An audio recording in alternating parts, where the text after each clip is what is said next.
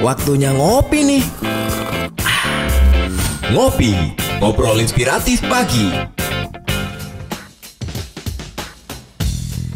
103,8 Prima Radio Surabaya Musik Enak Seharian. Halo apa kabar sahabat Prima?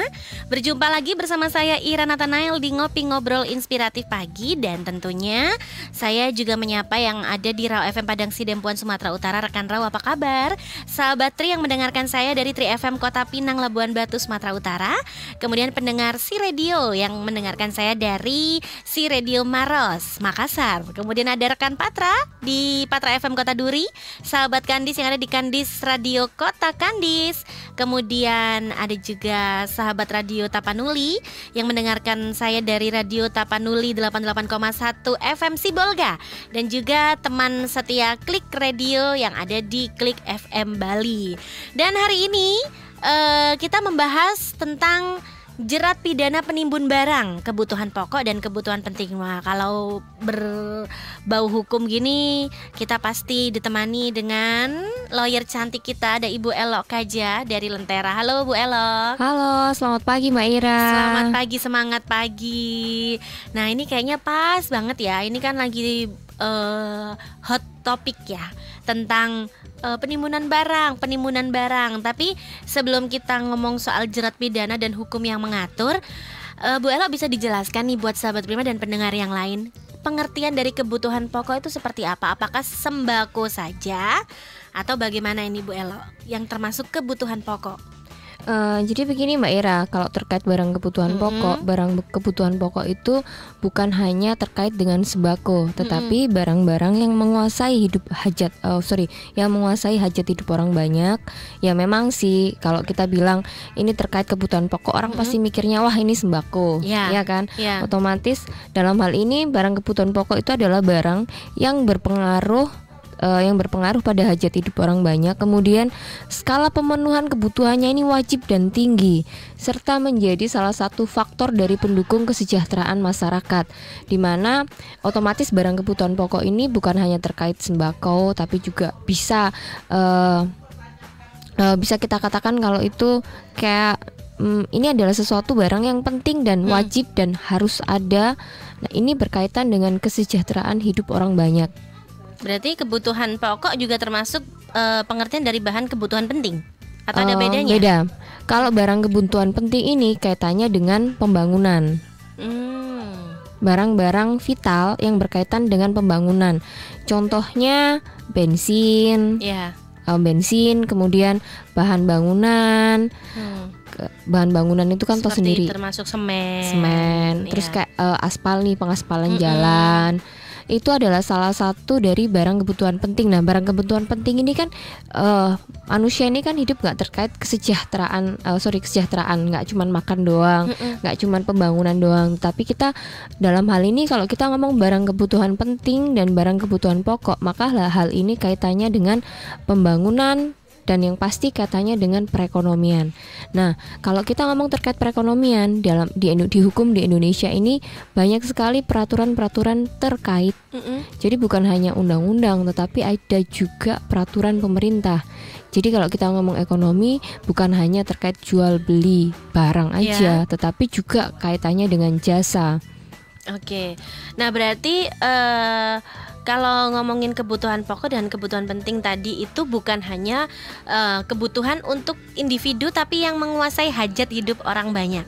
Tuh. Termasuk yang mungkin begini, Bu Elok, yang sering kali membuat bingung ya. Kadang kan kita ini uh, orang awam atau kita konsumen kan berpikir, oh ini misal nih barang ini lagi murah nih Bu, terus kita lagi borong. Atau misalkan yang lagi uh, booming sekarang ini kan kebutuhan masker seperti itu. Nah kita akan bertanya begini, contoh aja simpelnya masker nih Bu saat-saat ini. Nah, apakah masker ini juga termasuk kebutuhan pokok uh, dan juga atau termasuk kebutuhan penting? Jadi kalau kita bilang masker, masker mm -mm. ini bukan barang kebutuhan pokok karena barang kebutuhan pokok sendiri beras, yeah. bawang merah. Mm -mm. Bawang merah ini kebutuhan pokok, tapi mm. bawang putih nggak termasuk dalam barang kebutuhan pokok oh, loh. gitu ya? Iya. Padahal sama-sama bawang merah Padahal ya. bawang ya. Uh, iya. Padahal bawang putih sama bawang merah biasanya lebih jahat bawang merah, Bu. Iya, Kalau di sinetron jahat. kan begitu. Bawang merah lebih jahat, tetapi orang lebih butuh bawang merah dibandingkan bawang putih. Benar nggak? Oke. Karena eh, karena mereka yang jahat. Karena kalau nggak ada yang jahat, yang pasti orang yang baik ini nggak akan kelihatan baik. Iya, Oke. ini jadi melebar ke mana-mana ini Mbak Ira. Nggak, jadi gini, eh, eh, apakah contoh seperti ini masker yang dulunya itu nggak termasuk kebutuhan penting. Nah, karena sekarang ini semua pada membutuhkan, jadi termasuk kebutuhan penting. Akhirnya kan banyak sekali tadi kemarin bu kasus-kasus penimbunan dan sebagainya. Nah kalau terkait masker sendiri, masker dan hand sanitizer ya Iya. sekarang gara-gara virus corona merebak. Heeh. Ini corona dalam arti yang sebenarnya ya, Iya, uh. bukan corona yang diplesetin. Jadi kalau terkait corona ini, berarti kan kita patokannya undang-undang yang disangkakan pada eh, undang-undang yang disangkakan atau yang diduga dilakukan oleh para penimbun barang ini adalah pasal 107. Hmm. Nah, kalau menurut saya pasal 107 ini kurang mengena ya. Mm-mm. Eh, di mana-mana semua pada ngomong ini 107 nih 107 nih pasalnya. Kalau menurut saya kalau pasal 107 itu dia kurang mengena karena di dalam pasal 100 eh, 100 107 Undang-Undang Perdagangan ini ya tadi saya lupa nyebutin. Iya iya. Cuman 107 107 107. Hmm.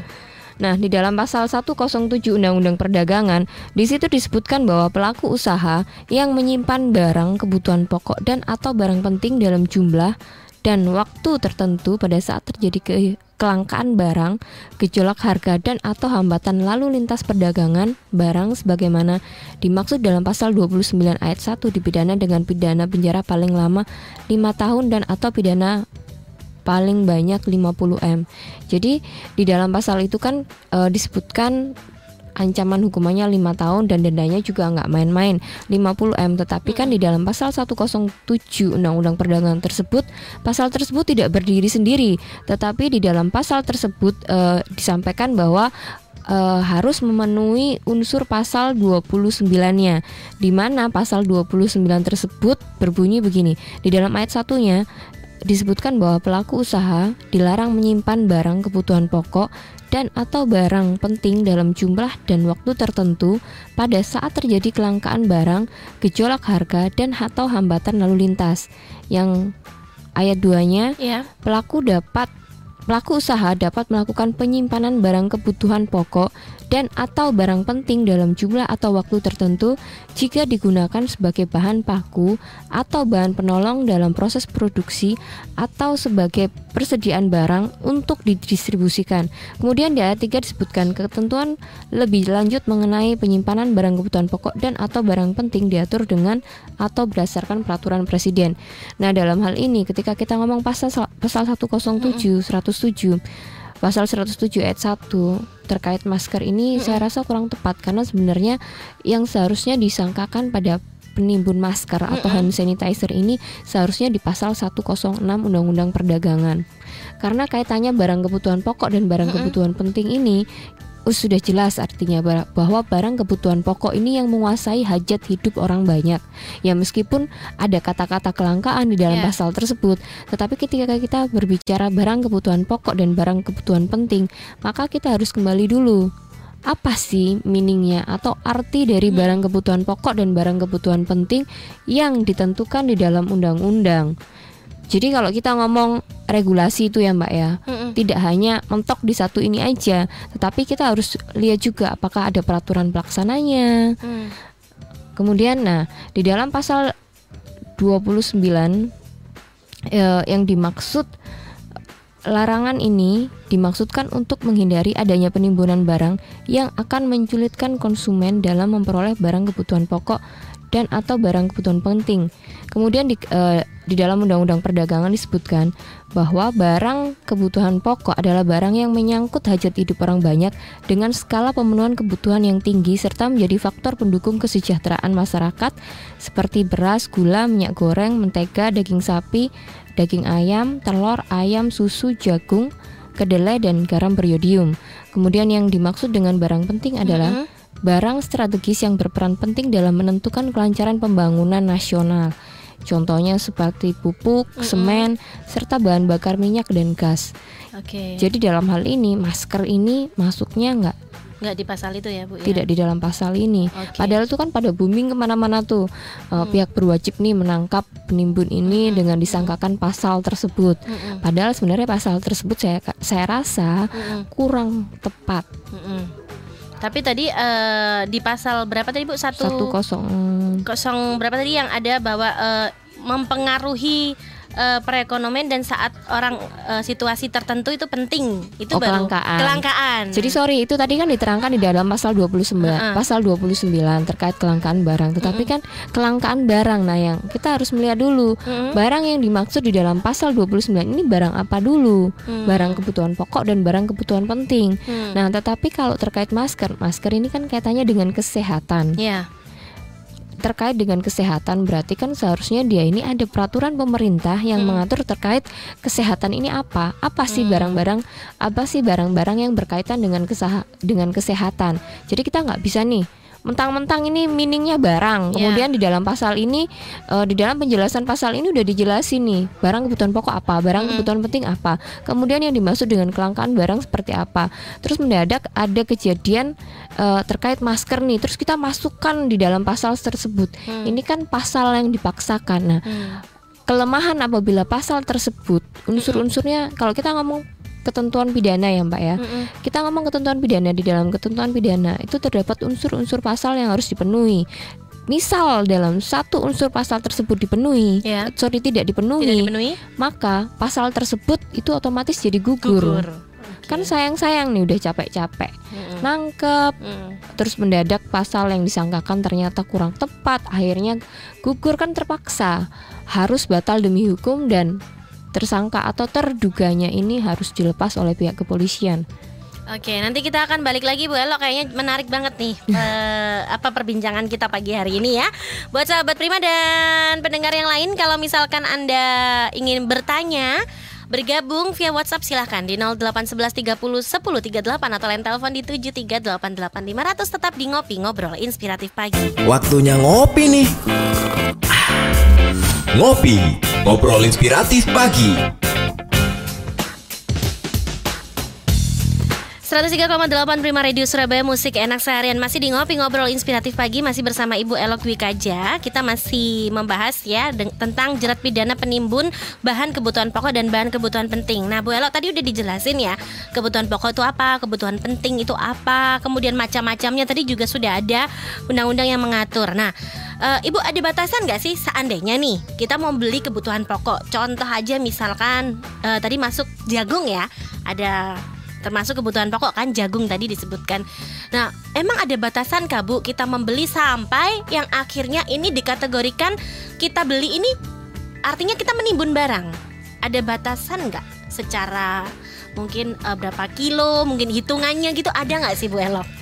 Jadi kalau kita bilang terkait menimbun ini, ini Mm. pertanyaannya agak berat dan sedikit melenceng ini, Mbak. Mm. Karena kalau terkait kita berbicara menimbun, menimbun barang kebutuhan pokok, ini nanti kaitannya ke mana-mana. Hmm. Keman, eh, kenapa? Karena kita harus melihat dulu apakah dari barang kebutuhan pokok yang ditimbun ini kita lihat dulu pelaku usahanya. Apakah pelaku, pelaku usaha ini memiliki izin dan izin-izinnya ini apakah lengkap? Hmm. Nah terkait menimbun barang, menimbun barang ini kan biasanya kita taruh di gudang nih. Ya. Nah kalau terkait pengaturan gudang sendiri itu ada peraturan menterinya mbak. Oh. Kemudian di dalam peraturan menteri tersebut eh, ditetapkan bahwa gudang itu ada skala kecil, sedang, besar. Kalau antara eh, lima eh, sorry 1000 sampai dengan 2500 meter itu masuk skala kecil. Kemudian barang yang ditimbun ini kita harus melihat dulu Hmm. barang ini barang yang cepat rusak, barang tidak cepat rusak atau seperti apa. Kita harus memperhatikan jenisnya dulu. Kalau kita ngomong jagung, jagung itu kan ada Iya. jagung yang basah, Jagung kemudian kering. jagung kering, jagung kalengan atau jagung yang apa dulu. Hmm. Karena setiap pengaturan eh, karena eh, ketika kita berbicara terkait hukum, maka itu harus jelas. Hmm. Jagung ini jagung apa dan jagung ini disimpan ini untuk keperluan apa? Untuk barang kebutuhan dalam negeri Mm-mm. atau untuk ekspor atau untuk impor atau untuk apa? Apakah eh, sorry, kok untuk impor? Apakah jagung ini jagung dari hasil impor? Impor. Jadi kita harus melihat dulu karena ketika kita berbicara eh, perbuatan pidana ya. atau tindakan pidana. Kita ngomong terkait penimbunan, Mm-mm. itu tidak bisa berdiri sendiri. Hmm. Karena itu kaitannya ke mana-mana. Oh gitu. Jadi memang harus diteliti tadi ya Bu ya. Iya. Asal begitu ya. Jadi kalaupun Iya. dia punya gudang, tadi kan ada skala kecil, menengah Iya. dan besar. Oh. Kemudian di dalam gudang-gudang sendiri itu kan ada namanya tanda daftar gudang. Kemudian kalau ini ternyata barang kebutuhan laut nih, Mm-mm. berarti kan dia harus punya SKP yang dikeluarkan oleh Dinas Perikanan. Mm-mm. Kemudian kita juga harus ngeliat dulu gudang ini peruntukannya untuk apa, benar nggak ini IMB-nya? Mm. Jadi kalau kita ngomong pidana, terus kaitannya dengan perdagangan, terkaitannya dengan barang dan jasa, hubungannya dengan ekonomi, ini ke mana-mana ini mbak. Iya, kita iya, harus iya. ngelihat itu dari hulu ke Dari- hilir iya. peraturannya. Makanya kenapa pengacara dibayar mahal? Tuh, hebatnya Bu Ella dibayar mahal itu ya catat tuh ya. ya, kenapa pengacara dibayar mahal ketika dia menangani perkara pidana atau perkara-perkara yang berkaitan dengan pidana ekonomi? Kenapa? Karena kita belajarnya ini nggak cuma satu, kita ini belajarnya banyak. Kita ini ngelihat Jadi dari lihat dilihat dari semua sisi tadi ya Bu Iya ya. benar. Dilihat dari semua sisi, kita harus ngelihat undang-undangnya, Mm-mm. terus terkait eh, pengaturannya ini bagaimana, terus kualifikasinya seperti apa, ada tidak undang-undangnya, kemudian di dalam undang-undang tersebut ini seperti apa bunyi pasalnya. Oke. Nah, Bu Elo, eh, apa saja sih yang biasanya dilakukan oleh penyedia barang agar mendapatkan keuntungan yang lebih banyak dari bahan kebutuhan pokok atau bahan kebutuhan penting tersebut? Biasanya apa yang dilakukan? Biasanya yang dilakukan ya ini kaitannya dengan menimbun. Biasanya kan Iya. kita ketika pelaku usaha ini ingin menaikkan harga, otomatis dia akan menimbun. Nah, ketika menimbun, Hmm. ketika eh, produsen ini menimbun, otomatis kan terjadi kelangkaan di pasar. Ketika Iya. terjadi kelangkaan di pasar, otomatis harga ini akan naik. Hmm. Ketika harga ini naik, sementara pasokan harga naik, pasokan di pasar berkurang Berkurang. dan peminatnya ada banyak, ini otomatis kan e, mendorong harga ini untuk naik. Nah, hal ini kan yang dilakukan oleh pelaku usaha untuk menggenjot supaya dia ini mendapatkan keuntungan sebanyak-banyaknya. Ya contohnya kayak masker ini. Masker aja awalnya sekotak isi 50 cuma 40 ribu. Iya, saya pernah dapat 35.000 ribu, 30 ribu Bu dulu Bu awal-awal. Hmm. Makanya sekarang sekotak harganya 230.000 ribu. Jadi kita harus berterima kasih terhadap virus corona. Ibu, ini ada Mas Aris yang bergabung.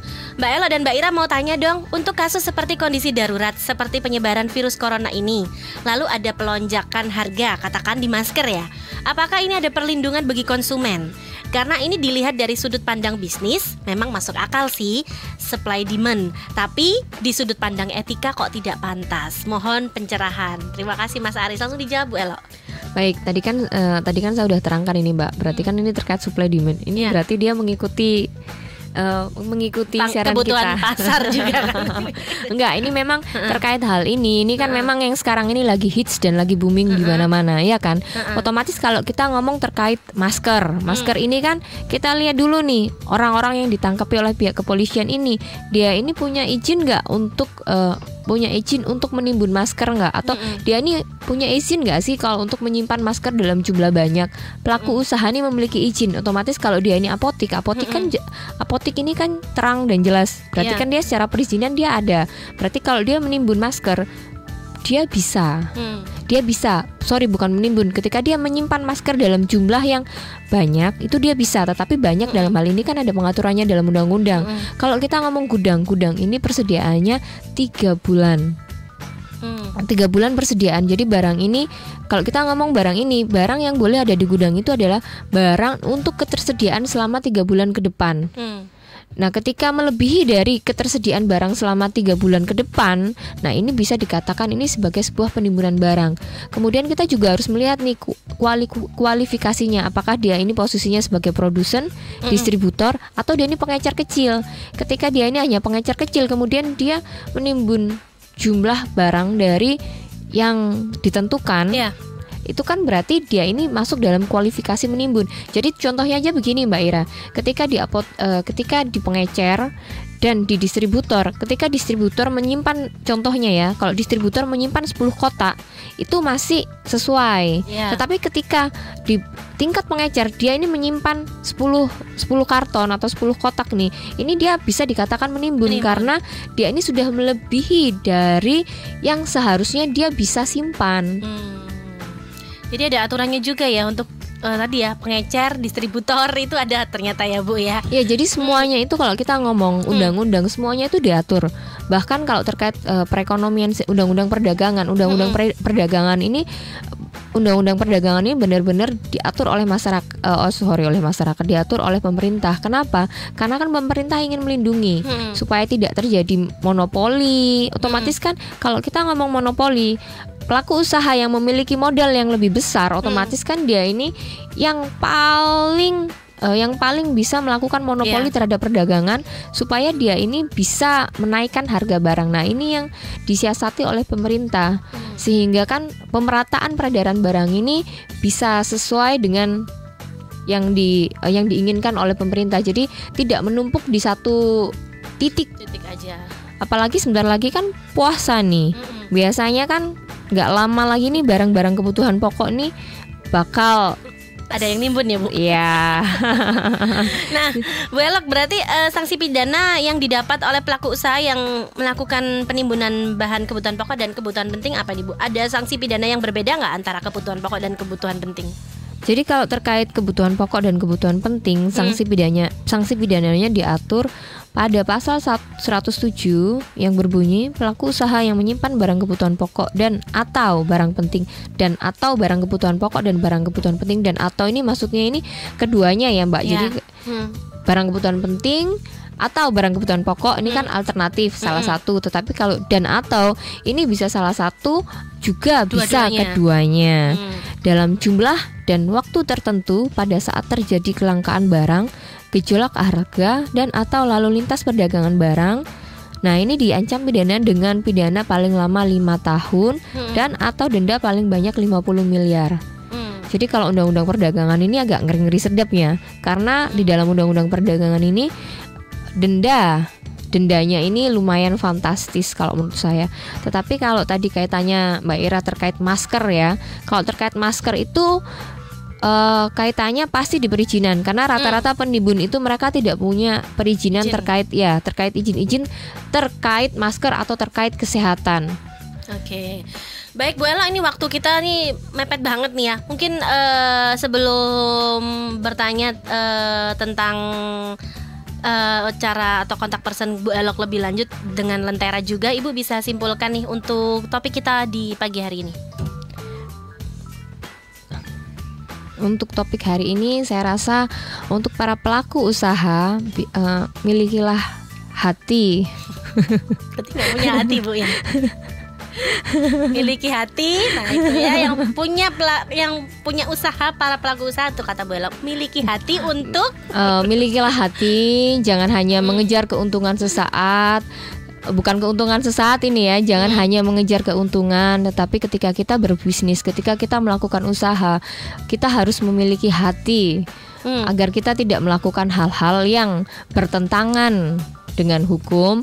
Dan yang terlebih lagi adalah eh, dan yang terlebih lagi adalah sebagai pelaku usaha penuhilah perizinan-perizinan Hmm. karena kalau salah satu perizinan itu tidak terpenuhi dengan kondisi hukum saat ini yang benar-benar tegas menurut saya ya, itu daripada kita melakukan kita hanya mengejar keuntungan kemudian kita menerobos batas-batas aturan hukum kemudian kita kena sanksi pidana sanksi pidana ini sanksi pidana terkait undang-undang perdagangan ini dendanya sangat-sangat dan cukup membuat kita bisa bikin kita pilot itu mbak. Oke, nah Bu Elo ini kalau misalkan sahabat Prima atau pendengar yang lain ingin kontak Bu Elo nih, ada misalkan persoalan dalam hukum yang ingin dibantu oleh Bu Elo dan tim yang ada di Lentera, bisa menghubungi di mana nih Bu Elo? Bisa langsung datang ke kantor saya di Gedung Bumi Mandiri Tower 2, lantai 12 di Jalan Panglima Sudirman nomor 66 sampai dengan 69 Surabaya. Atau bisa langsung kontak ke Instagram kami di lentera underscore lau konsultan atau bisa juga ke website. Di website tersebut langsung eh, terkonek dengan admin kami at- eh, WA admin kami. Jadi bisa langsung ke sana kalau ingin menghubungi kita. Mm-mm. Oke, baik Bu Elo, terima kasih banyak nih eh, untuk pagi hari ini. Meskipun terbatas waktunya, tapi terima kasih sudah memberikan apa ya pencerahan pencerahan Jadi bagi pelaku usaha juga bisa paham ya uh, hukum-hukum yang berlaku. Terima kasih Bu Elok. Ketemuan lagi di lain kesempatan dan sukses buat Bu Elok. Dan sahabat Prima, rekan Ro FM, sahabat Tri pendengar si Radio Maros, rekan Patra, sahabat Kandis, uh, sahabat radio Tapanuli dan juga teman setia Klik Radio. Uh, terima kasih banyak untuk Anda yang sudah mendengarkan. Tetap di 103,8 Prima Radio Surabaya Musik Enak Seharian dan juga Anda bisa simak ngopi setiap hari Senin sampai hari Jumat dari jam 9 pagi sampai jam 10 pagi dan juga nanti kalau weekend akan ada riran ya dari setiap tema ngopi yang kita dengarkan untuk hari ini. Terima kasih tetap di 103,8 Prima Radio Surabaya Musik Enak Seharian. 103,8 Prima Radio Musik Enak Seharian.